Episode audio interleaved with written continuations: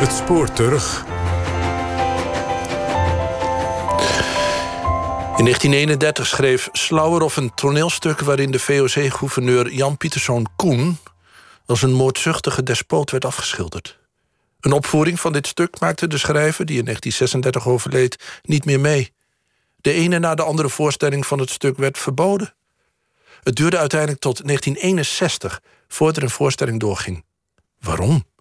Welke gevoelige snaar had Slauerhoff geraakt bij de bestuurders? Luister naar De Beul van Banda, gemaakt door Tom Roduin.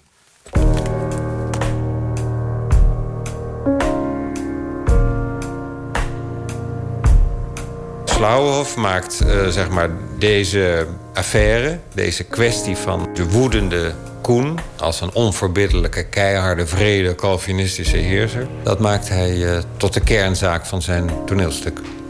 Hij liet uh, oogsten vernietigen, omdat anders de prijs van de peper bijvoorbeeld in Nederland zou devalueren. Het vernietigen van de oosten ging ten koste van die inlanders, maar dat interesseerde Koen helemaal niet. Economie gaat voor. Genocide zegt dat er een, een, een volk vernietigd wordt omdat het er niet mag zijn. Maar het ging daarom het vestigen van een heerschappij. Zonder dat soort gruwelen eh, was er überhaupt geen gouden eeuw geweest hier.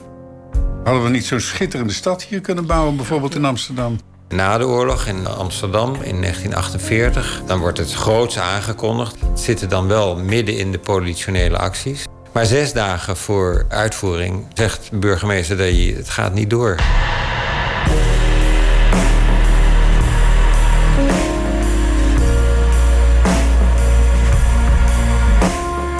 In 1931 schreef de dichter Slauerhoff een toneelstuk waarin Jan Pieterszoon Koen, gouverneur-generaal van de VOC, als een moordzuchtige despoot werd afgeschilderd. Een opvoering van dit stuk zou de auteur, die vijf jaar later in 1936 overleed, niet meemaken. Het duurde 30 jaar voordat het stuk voor het eerst werd opgevoerd en wel door de Amsterdamse studentenvereniging Coturne. Daarvoor waren drie pogingen om het stuk op te voeren door opeenvolgende Amsterdamse burgemeesters verboden. Het ontluisterende drama over de zeeheld lag steeds politiek te gevoelig. Toen het stuk geschreven was, toen had Slauerhoff al moeite om het stuk gepubliceerd te krijgen. Dat was omdat het het beeld van de grote Koen aantastte. Op een zodanige manier dat een uitgever zich daar niet aan wilde branden. Dat zijn de eerste verboden. En dat maakt het stuk ook zo gevaarlijk voor opvoering in de tijden dat er eh, spanningen zijn tussen Nederland en Indië.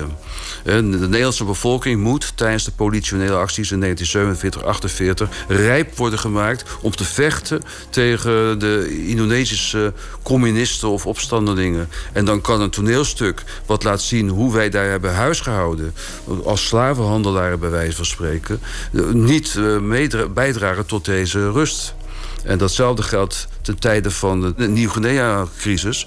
Toen was er ook sprake van de opvoering. En dan gaat ook weer de burgemeester, in dat geval van Hal, uh, zeggen van... het is toch beter dat we dat niet opvoeren gezien de huidige situatie. Het aardige van dit stuk is natuurlijk dat Slauwhof daardoor voortdurend laat zien wat uh, de schijnheiligheid en wat de realiteit is van ons uh, vaderland. Meneer Luns zou het ook niet prettig hebben gevonden als het stuk werd opgevoerd. De besloten wereldpremière door studententoneelvereniging Coturne werd in 1961 door de toenmalige Amsterdamse burgemeester Van Hal oogluikend toegestaan. Tom Roduin spreekt met betrokkenen bij die eerste voorstelling van toen, 56 jaar geleden. Te weten Paul Rutgers van der Loef, zijn vrouw Josette van Emden, destijds prezes van de toneelvereniging, en de toen aspirant-acteur Krijn ter. Het was heel vers. Was ik, uh, kwam ik uit Rotterdam. En dit was een van de eerste dingen die ik als studerend, niet studerend deed. Namelijk uh, toneelspelen. Het is voor mij wel een belangrijke avond geweest. Want ik, ik denk dat het daardoor komt dat ik niet lang daarna nog een keer bij het studententoneel speelde. En daarna nog een keer. En daarna nog een keer. En de volgende keer besloot ik, ik ga naar de toneelschool. Dus in die zin is, is, is eigenlijk die Koen voor mij de eerste stap naar het beroepsleven. leven geweest. Uiteindelijk. Verder kan ik me eigenlijk bijna niks meer van herinneren... maar dat het een belangrijke daad was, dat weet ik nog wel. Waren jullie op de hoogte van de controversiële inhoud van dat stuk? Nou, ik dus absoluut niet. Helemaal niet. Nee, nee. Nee. Dat hele verbod kan ik me niet zo goed herinneren. Ja, ik wel. Ja, ja. Maar ja, jawel, ja, ja. Ja, wel, ja dat, dat weet ik nog wel. Want we hebben daar toen in eh, Propria Curis ook een stuk over geschreven. En de burgemeester van Al, die dat verbod over uh, negatief advies uh, ernstig overwoog... of in over, overweging gaf, hebben we ja. toen behoorlijk belachelijk gemaakt. Uh, in de studentenkrant, hè, PC. Ja, ja, ja. Maar het betrof eigenlijk niet alleen... Dit, dit, stuk stond niet geïsoleerd. Want we hebben toen ook van harte de politiek... de, anti, uh, de koloniale politiek toen nog van Nederland... die zo graag uh, Nieuw-Guinea wil vasthouden, belachelijk gemaakt. En uh, een derde incident, dat is dat we het Van Heuts monument... wat aan het eind van de Apollolaan... daar stond toen nog een parmantig portret van Van Heuts... Nou, dat is een, een soort nazaat van Koen, hè, een paar eeuwen later. Zo'n militaire draafganger. Uh, die hebben we toen uh, onttakeld. Maar duidelijk ook ja, als een soort studenticoze... maar wel toch wel serieuze protestactie... tegen dat beleid van de toenmalige regering... in zaken Indonesië, uh, respectievelijk Nieuw-Guinea. Over de moeizame opvoeringsgeschiedenis van het enige toneelstuk van Slauerhof schreef Hein Aalders een artikel in het literair-historische tijdschrift De Parelduiker. De verklaring die ik er aan, nu aan kan geven is dat men toch een beetje in de maag zat met het onderwerp. een, een, een grote Nederlander, zoals die algemeen nog werd gezien, Koen... die daar toch kritisch, zeer kritisch werd neergezet op het toneel. De eerste keer dat er een poging wordt gedaan om het op het toneel te brengen... is gedaan door Leidse studenten. Een paar jaar later, 1937, zes jaar later. En die al voordat ze aan Duperron, die toen zeg maar de rechten had... Uh, vroegen om het op de planken te brengen... Uh, de boel al hadden gecensureerd. Dus de, en daar geeft Duperron ook voorbeelden van. Echt alle scherpe kantjes waren eraf gehaald. En geschrapt gewoon. En dan duurt het weer tot in de oorlogsjaren, gek genoeg... dat er weer een poging gedaan wordt om het op te voeren. Wordt het ook verboden. Dan in, na de oorlog in Amsterdam in 1948... Dan wordt het groots aangekondigd, want dan uh, gaat het uh, bij de opening van de Boekenweek... het is 50 jaar na de geboorte van Slauwhof... dan zal het opgevoerd worden. En Dailly, de burgemeester van Amsterdam, zit ook in het aanbevelingscomité. Het zou geregisseerd worden door de toen al bekende Karel Briels. Bekend van de Gijsbrecht-voorstellingen van 1 januari... en van de grote spektakels zitten dan wel midden in de politionele acties. De eerste is al geweest, eind 47. En de tweede komt er net aan. En uh, vond het een gevaar voor de openbare orde... want ze gebruiken steeds hetzelfde wetsartikel, artikel 221... om het stuk te verbieden. Dan komt er in 1961 een... Uh, poging wordt er gedaan om het uh, stuk te spelen door een studentenvereniging. En dat ligt anders, want die wilden dat op hun lustrumviering doen. Dus dat was voor, gewoon voor genodigden. En in 1961, de republiek is al onafhankelijk... maar zitten we met de Nieuw-Guinea-kwestie. Opnieuw een politieke kwestie waarbij Nederland onder internationale kritiek staat. Opnieuw een Amsterdamse burgemeester die uh, besluit om het de spelers sterk te ontraden. Josette van Emde van studententoneelvereniging Coturne. Ik me herinner dat toen dat bericht binnenkwam van uh, dat het verboden zou worden. Wij kregen ontzettend op ons kop. Bestuur van de, de, van de, de ASC, ja, van de studentenkoor. Ja, precies. Ja. En we stonden er allemaal heel bedremmeld bij. En Oh, dat toneelstuk kan niet doorgaan. Dus helemaal niet van Jan Pieterszoon Koen en het koloniale verleden. Maar oh god, dat kan niet doorgaan. Paul Rutgers van der Loef, in 1961 de vertolker van Blauw, de rechterhand van Koen. Op de achterkant van de affiche, die door Harry Gele gemaakt is... daar staan alle spelers mooi opgeschreven in zijn uh, handschrift. Maar er staat ook dat het bier van Heineken wordt geschonken... en dat is antikoloniaal bier, mind you. Dus je zou zelfs uh, kunnen zeggen dat Harry Gele zich ervan bewust was... van de antikoloniale portée van dit geheel. In 1961 werd dat stuk dan toch, zij het besloten, in het Amsterdamse Centraal Theater door de studenten van Coturne opgevoerd. En met succes, Hein Aalders. Werd gunstig besproken. Het was een hele knappe uitvoering. Het was goed geregisseerd. Zorgvuldig uh, werk besteed aan de decors, aan de kostuums. En het, is, het vergt, geloof ik, uh, heel veel personages. Het stuk heeft meer dan twintig personages. Die werden ook allemaal ingevuld. De hoofdrol werd gespeeld door uh, Chabot... die we later kennen als de man in het uh, euthanasie-debat. Welk verhaal vertelde Slauerhoff eigenlijk? Krijn ter Braak, samen met Paul Rutgers van der Loef... als gezegd beide in 1961 acteurs in het stuk. We bevinden ons in Batavia, het pas gestichte Batavia... door Jan Pieterszoon Koen nog Nieuw Hoorn genoemd.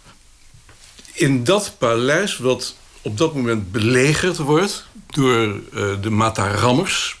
Daar woont deze Koen met zijn vrouw. Koen zelf ziek, zijn vrouw zwanger. En dan is een van de hofdames van zijn vrouw...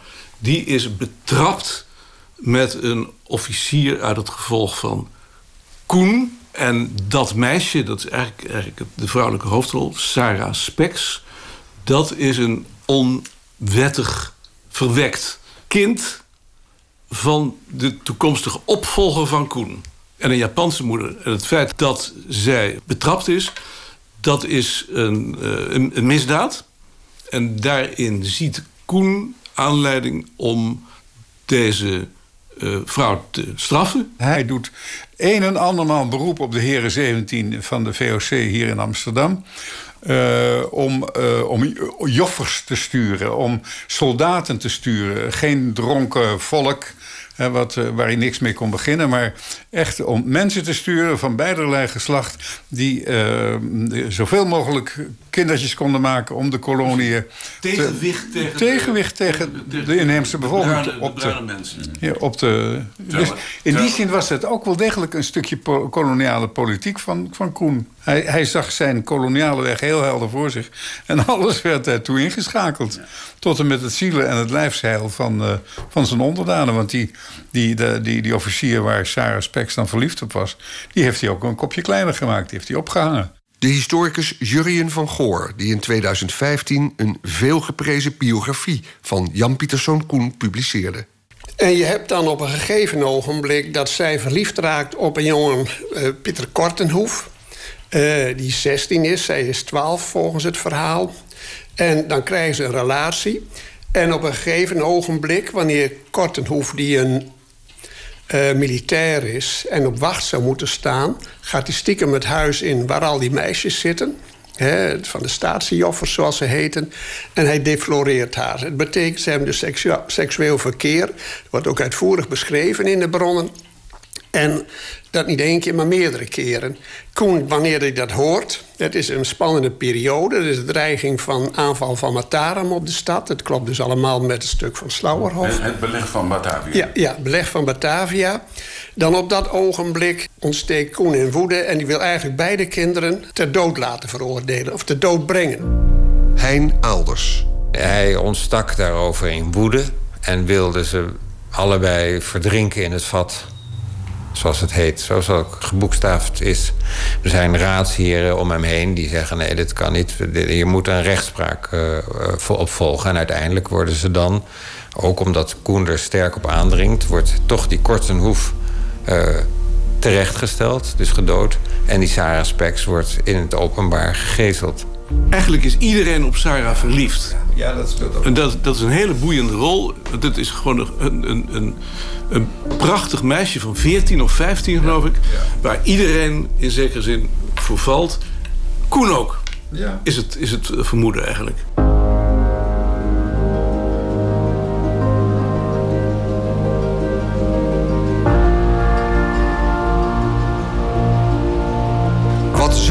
De dichtende scheepsarts Slauerhof in Jan Pieterszoon Koen? En waarom goot hij dat leven in een kritisch drama? Slauerhof-biograaf Hazeu. Slauerhof was dus een man die tegen elke autoriteit was. Dat heeft zijn hele leven ook zo gezeten. Als scheepsarts ging hij om met stokers en niet met officieren. Als hij in Samarang was, ging hij niet naar de sociëteit, de herensociëteit... maar dan ging hij het binnenland in om met de plaatselijke bevolking te spreken. Als student eh, in Amsterdam uh, nam hij het op voor een Joodse medestudent... die door een hoogleraar werd uitgekafferd. En zo dacht hij ook... Over Koen, deze gezagsdrager, over wie hij dan net een biografie had geschreven, die moet ik laten zien in zijn ware aard. En hij heeft toen uh, Koen genomen, ook wel in zijn zwakste positie, namelijk in de laatste jaren van zijn leven, uh, waar deze meneer Koen uh, probeerde een jong meisje van 15 jaar uit te huwelijken aan een dominee die veel ouder was. Dat heeft uh, laten zien van zo is de ware aard van deze Koen. Hij heeft daarmee meteen ook de ware aard van een hypocriete zendeling laten zien. En dat vond hij prettig om het zo te, te analyseren.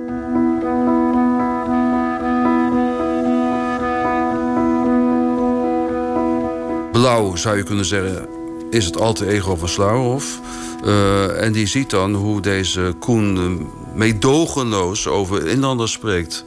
En ze over de klingeljaren wil laten vermoorden. Want uh, elke vermoorde inlander is één vijand minder. Zo stond Koen in het leven, althans volgens Slauerhoff.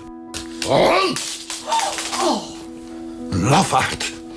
Verrader. Geen woord meer. Laat de beulsknecht het blok brengen. Ik zelf zal hem slachten. Op een staak zullen wij hem stellen dat de gieren zich aan hem verzadigen. Genade voor hem. En jij, slet, geestelen, zullen we jou tot alle lusten voor levenslang uit je lijst zijn weggeranseld. Excellentie, de kraamvrouw is zeer zwak en verlangt u te zien. En uw dochter... Ik ben geen man en vader. Ik ben een oude sul van binnen verrot en rondom door mijn eigen volk verraden. Excellentie. Wat is er gaande? Fort Oranje wordt aangevallen. De bevelhebber vraagt alle versterkingen die u kunt zenden. Alleen ik ben er nog. Dus ik zal gaan. Bind de hond en de hondin vast, elk in een hoek. Maak me los, ik zal me doodvechten. Dat zou je wel willen, ellendeling. Een eerlijke dood op de koop toe. Ik zal je werk doen. En dan terugkomen om jou te zien sterven. Drie soldaten bij de verrader. Eén bij haar.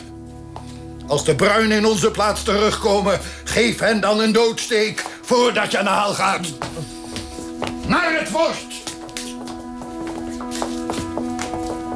Een fragment uit een hoorspel gebaseerd op Slauerhofs toneelstuk Jan Pieterszoon Koen. In 1981 door de Tros uitgezonden. Nu hebben alle lusten, verlangens en intriges zich samengetrokken op deze ene vrouw en zij is het slachtoffer geworden.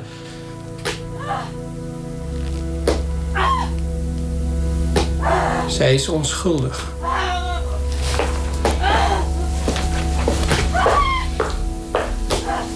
Wat is hier gaande? Spex, wat doet u hier? Hebt u mijn missieve niet ontvangen die u gelastte te wachten met aanvallen? Uw macht strekt zich niet uit buiten de belegerde vesting. Het enige compagniesgebied dat u nog bezit. Maar deze versie werd verminkt door zelfcensuur. De meest uitgesproken teksten, bijvoorbeeld over Koens vreedheid ten opzichte van Sarah Spex, zowel als tegenover de inlanders, ontbreken in het hoorspel. Over de oorspronkelijke bewoners van de door de VOC veroverde archipel zegt gouverneur-generaal Koen bijvoorbeeld in het stuk van Slauerhof tot een officier. Van die inlanders zijn er ook te veel en iedere dode inlander is een vijand minder. Daar is niets aan verbeurd. Ook gaan ze regelrecht naar hun paradijs, waar ze het beter hebben dan hier.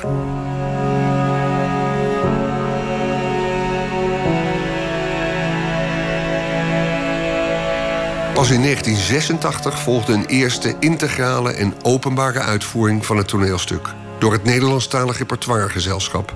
De première vond plaats in het Souterreintheater, onder het dak van het voormalig Koloniaal Instituut.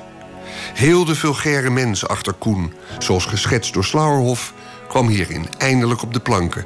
Slauerhoff-biograaf Wim Hazeu. Slauerhoff liet zich uh, niet imponeren door die geweldenaarsfiguur van Koen, maar had, zoals het ook een toneels, toneelschrijver betaamt, een dramatisch oog voor diens vulgaire eigenschappen. En daar schreef dan ter braak, als ik dat mag citeren over, over die vulgariteit. Een persoonlijkheid van afmetingen. Juist door het ontbreken van iedere poging tot vaag idealiseren en romantisch verdoezelen slaagt Slauerhofs held erin om Koen te ontmaskeren. En daar gaat het om. Hij weet dus door te dringen tot de kern van het karakter van uh, Koen. En daarmee ontmaskert hij deze man meer dan als hij politiek stellingname had uh, ingenomen. Hij heeft de mens Koen gevonden met zijn merkwaardige hartstochten, zijn bekeringcijver. Hij wilde dus vrouwen, de Nederlandse vrouwen uithuwelijken aan, aan zijn officieren, omdat ze dan maar blank bleven. En daar heeft hij ook een meisje aan opgeofferd. Een meisje wat hij had geadopteerd van 15 jaar. Die moest gaan trouwen met een hele oude vieze dominee. Maar hij was tenminste blank. Dat is, uh, dat is de echte Koen. En daarmee is veel verklaard over zijn politieke leven. We zullen zien of je na de tuchtiging nog een even onbeschaamde toon voert.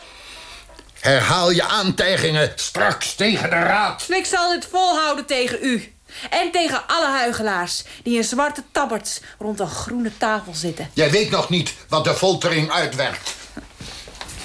Soldaten!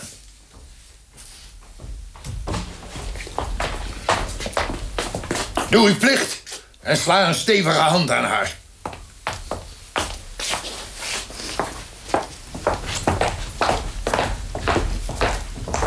De geesteling zal mijn gemoed opluchten. Hunker ernaar.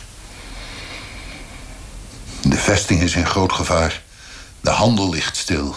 Ik heb wat ik in mijn leven verlangde. Eindelijk een nazaat. Ik zie er niet naar om. Mijn gedachten zijn steeds bezig met dat ene... dat dit vrouwelijke, verleidelijke schepsel haar straf zal krijgen... en eindelijk zal leren dat het niet ongestraft... haar lusten van het lijf kan botvieren. Dat en steeds dat ene houdt mij bezig. Hoe komt dat toch? Voor een beter begrip van alle commotie over dit stuk is het goed meer te weten over de reputatie en statuur van de gouverneur-generaal van de VOC. Wie was Jan Pieterszoon Koen eigenlijk? Een eerdere biograaf, H.P. Geerke, vergeleek Koen in de jaren 30 met de Italiaanse fascist Mussolini. Beide mensen, krachtfiguren die hun tijdgenoten beter willen maken. Geen van tweeën afkerig van geweld, alle twee praktici en overtuigd van eigen voortreffelijkheid. Beide opgekomen uit een kleinburgerlijk milieu. Er zullen nog wel meer punten van overeenkomst tussen die twee te vinden zijn. Jur van Goor, de meest recente biograaf van Koen. Hij was natuurlijk het symbool van uh, koloniaal Nederland. En dat is natuurlijk heel sterke mate het geval geweest. Herdacht, uh, vereerd. En zoals Colijn ook zei, met een paar vlekjes... maar toch een geweldige man, zullen we maar zeggen. Een lofzang op Jan Pieterszoon Koen door premier Colijn in 1937... bij de 350ste geboortedag van Koen.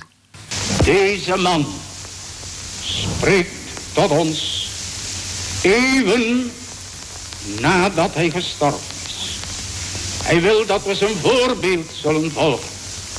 In opofferingsgezindheid. In kloekheid. In zorgvuldig beraad.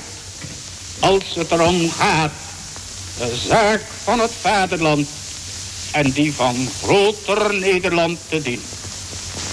Herdenken wij zijn 350ste geboortedag.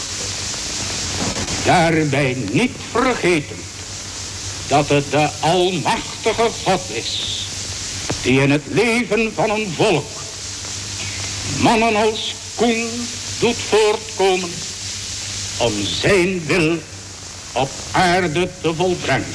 Jan en Annie Romein noemden Koen in 1947 in hun erflaters van de beschaving een man van daden zonder enige idealistische bezetenheid.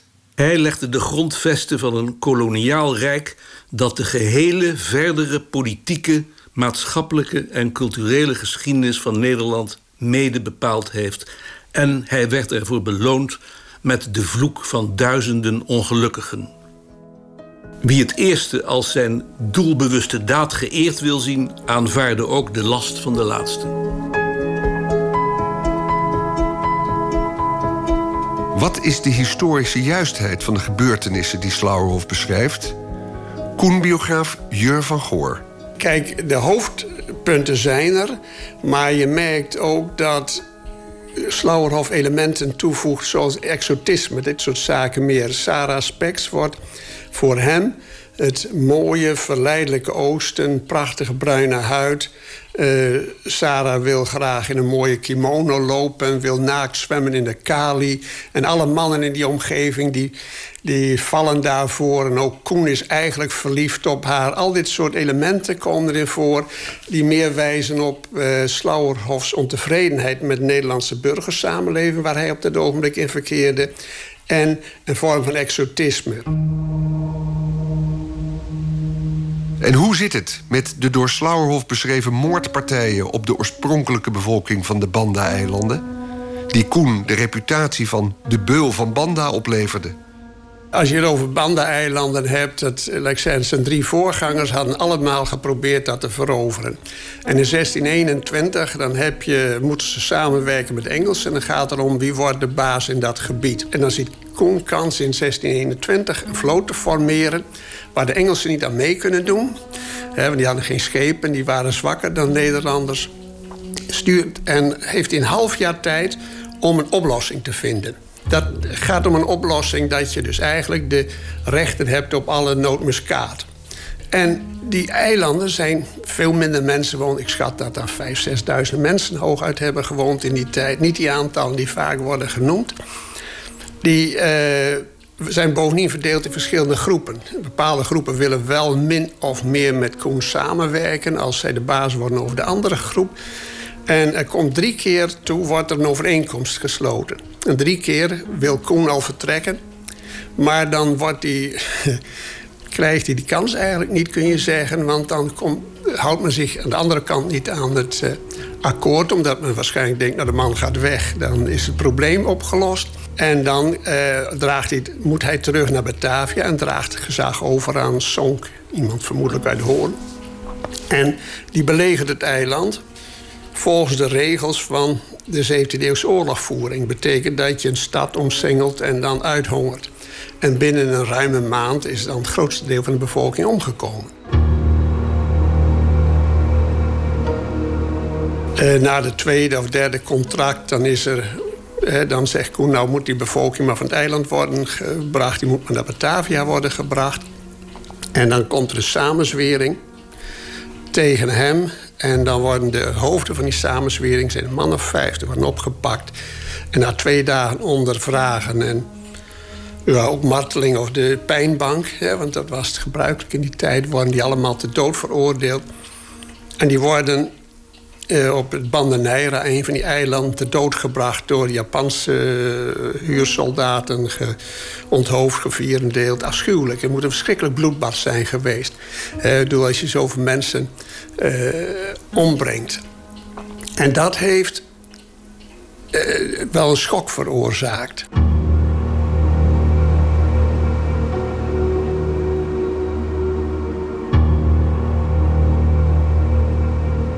Blauw. Vertel kapitein Rijnst de gelijkenis van het zand en het goud. Waarom hebben goudkorrels een grootte en heeft zand geen waarde? Omdat niemand iets geven wil voor zand. Dat, dat ligt overal voor het wegkruien. En het zou met kruidnagelen net zo gaan als we die maar overal lieten groeien. Dan kon ieder, de Portugezen, de Engelsen, wie maar wou, zijn zakken vol stoppen. Maar kruidnagelen moeten als goud zijn. Er moet net zoveel van zijn dat de compagnie er goede prijzen voor maakt. Maar, excellentie, vindt u dat Ternate daarvoor platgebrand moet worden? De compagnie wil dat de overtollige oogst wordt vernietigd. Zoals in de tijd op Ambon. Natuurlijk moeten de kapiteins geen onnodig bloed vergieten. Ja, maar het wordt hetzelfde beulswerk als op Ambon. Wij kunnen niet altijd even menslievend zijn. En het leven van een inlander is niet gelijk te stellen aan dat van een blanke. Dat loopt weer op moorden uit, excellentie. De inlanders zullen zich tot de dood verzetten tegen de vernietiging van hun gewas. Dan verzetten ze zich tegen de belangen van de compagnie en verdienen dus geen pardon. Geef me een, een schip om het, het Zuidland te zoeken, maar zend mij niet uit moorden. Daarvoor ben ik geen kapitein. Goed, dan bent u geen kapitein meer. En dan vraag je af, waarom doe je dat? Of waarom doe je het op die schaal? Of hoe dan ook, is er geen clementie? Want er zijn ook mensen in de omgeving die dat wel bepleiten. Dan krijg je daar geen antwoord op. En in feite is het uh, de conclusie van Koen... Nou ja, God heeft ons de overwinning gegeven. en dat is de rechtvaardiging waarschijnlijk... plus een aantal juridische overwegingen die hij dan had. En als je het schilderij ziet wat toen in het Molukse Museum uh, hing... dan griezel je ook van ellende. Hè? Ik bedoel, het is niet helemaal... Dus dat waar die Japanse samurai ja, ja, eh, die met dan- zwaarden in de ja, wind zijn. ja, ja, ja, ja. Ik, ik kan me voorstellen dat je op grond van zo'n schilderij... of op grond van zo'n eh, ja, moordpartij, executie... het is vol- volgens de regels, maar goed, de tegenpartij heeft het denk ik beslist niet zo gezien... Eh, is dat natuurlijk een afschuwelijke zaak.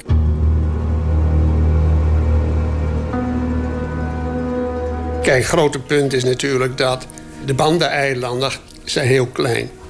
Maar die eh, leveren de hele wereldproductie aan nootmuskaat. En daar wil de VOC de monopolie op. Maar Koen wilde dat monopolie en in dienst daarvan heeft hij op de Banda-eilanden een etnische zuivering toegepast. Sowieso, ja. Ik vind het etnische, meer etnische zuivering... omdat het geen geplande uitroeiing was. Er heeft wel toe geleid. Het gros van de bevolking is uitgeroeid. Een kleine groep is overgebleven, een deel gevlucht. Dus het, maar het is een etnische zuivering, want de bevolking is verplaatst. En er zijn eh, kolonisten gekomen. Een deel van de Bandanezen is teruggekomen, toch weinig. Dus wat dat betreft is dat, denk ik, in onze huidige termen de, de beste omschrijving. Waarom verzaakte Kortenhoef, een betrouwbaar en dapper krijgsman, zijn plicht in die gevaarlijke nacht? Ik laat u kerken als u niet zwijgt. Waarom slaap ik niet meer, eet ik niet meer, sinds deze droevige feiten bedreven zijn? En waarom staat Koen onkreukbaar in zijn plicht, wars van persoonlijke ambities en hartstochten, dit weerloze meisje naar het leven? Waarom? Ik zal u laten hangen. Als u dat kunt. Maar nadat ik u gezegd heb waarom. Ik wil het niet horen. We zijn allen verliefd op haar. Ieder naar zijn aard. Ik zal je lasterlijke mond snoeren. U kunt niet opstaan, niet roepen. Het zou u het schouwspel doen missen waarnaar u zo lang gehunkerd hebt. U durft mij in uw gezwets te betrekken. Ja, u was een van de gegadigden. Ook de strenge, hooghartige Koen was gevoelig voor Sarah's lieftalligheid. Maar uw rechtschapenheid, uw waardigheid en de echtelijke trouw gedoogden niet dat u een welgevallig oog liet rusten op het meisje. En u werd streng en hard, wilde haar dwingen tot een liefdeloos huwelijk, verwoestte haar geluk, vernederde haar zo diep als u maar kon. En dat alles omdat u niet van uw voetstuk, gesmeed van deugd, godsdienst en plichtbesef, kon afkomen. Ik sta boven u allen. Boven uw lusten en al te menselijke verlangens. Ik begrijp niet waarom ik u aanhoor. In de vooroorlogse tijd had je tegenstand tegen kolonialisme. In kolonialisme zit ook een dubbele bodem. Bijvoorbeeld als je een taak hebt om een bevolking tot zelfstandigheid te brengen, wat ethische politici dachten, dan zul je ze ook moeten loslaten. En daar was Nederland niet aan toe in de jaren 50. Ja, dat verklaart een deel dat ik zeg behoudend progressief Nederland. Een beetje een rare kreet. Hè, die vond eigenlijk, ze zijn er nog niet aan toe.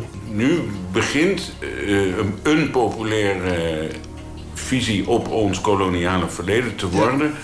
Dat we ons misdragen hebben met slavernij, met etnische zuivering, met rooftochten en met bezetting. En nou ja, eh, in ieder geval een zeer negatief beeld over die, over die eeuwen. Ja, ja. Maar dat is wat u betreft vrij ongenuanceerd. Dat kan je wel zeggen. Het, is natuurlijk, het heeft alle aspecten. Kijk, het probleem is dat je... eh, zonder Nederlands ingrijpen was er geen Indonesië geweest. Dat rijk was er niet ontstaan. Dat betekent dat er een militair... Het is een staatkundige vorming geweest. Militair inzet is geweest. Dat gebeurt allemaal. En er is ook exploitatie geweest. Er is allemaal geen twijfel over. Sommige elementen worden gewaardeerd en andere niet. Dus ik denk dat je moet weten wat er gebeurd is. Of je dat nog goed of slecht vindt, is een hele tweede zaak. Een historicus is geen rechter. Dat werd ons in het eerste jaar geleerd. Paul Rutgers van der Loef. We waren toen gewoon een roofstaat. Dat verband tussen Gouden Eeuw, uh, waar we van profiteren nog steeds. En Eurostad, dat realiseerden we het ons toen in 61 ook niet. We waren gewoon tegen, tegen dat kolonialisme. En we waren zwaar behept met uh, decoloniseringsvirus. Nou ja, mentaliteit, ja. Als je nu Jan Pieterszoon Koen van Slauwerhof zou willen opvoeren... zou dat dan een probleem zijn? Ik denk het niet. Ik denk dat er gewoon ook factor is dat er een tijd overheen is gegaan. dat er uh, inmiddels... Uh, nou, wat is het nou? 60 jaar of zo overheen gegaan is. Er we het hele Suharto-bewind hebben, hebben meegemaakt. Zij het uit de verte. We hebben meegemaakt hebben hoezeer ook vreedheid grootschalig in Indonesië. Helemaal totaal los van Nederlandse invloeden. Ook daar plaats kon vinden. Ik denk dat dat onze oordelen ook uh, over onze eigen koloniale vreedheden toch wel uh, gerelativeerd heeft. En dat blijkt ook uit het feit dat op de sokkel van het standbeeld van Koen een tekst is toegevoegd een paar jaar geleden, waarin ook dat vredeverleden wordt aangehaald. Geroemd als krachtdadig en visionair bestuurder, maar evenzeer bekritiseerd om zijn gewelddadige optreden bij het verwerven van de handelsmonopolies in Indië. En daar wordt gerefereerd aan de strafexpeditie tegen de Bandeneilanden. Dat zijn twee kanten van dezelfde medaille. Zonder dat gewelddadige optreden was hij niet een krachtdadig bestuurder geweest. Koen is gestorven. Hij droeg de zorg voor zijn vrouw en dochter op aan Van Diemen en drong nogmaals op de keus van de door hem genoemde opvolger aan. Zo gaf hij de geest. Herdenken wij Jan Pieterszoon Koen.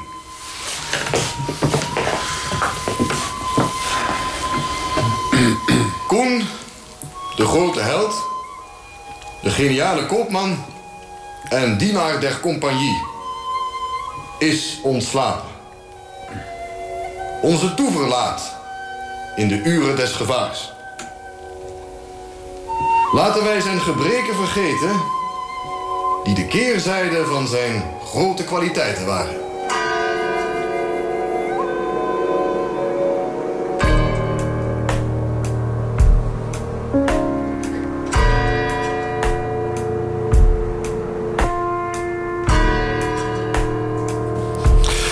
Dat was de Bul van Banda. Deze radiodocumentaire werd eerder... en eerder betekent 19 maart 2017 uitgezonden in Radiodoc. Documentaire uur hier op Radio 1. Vanavond in Radiodoc de NTR Podcastprijs... de aanmoedigingsprijs voor jonge makers uit Nederland en Vlaanderen. De hele maand augustus zijn de makers te gast... en hun programma's te horen in Radio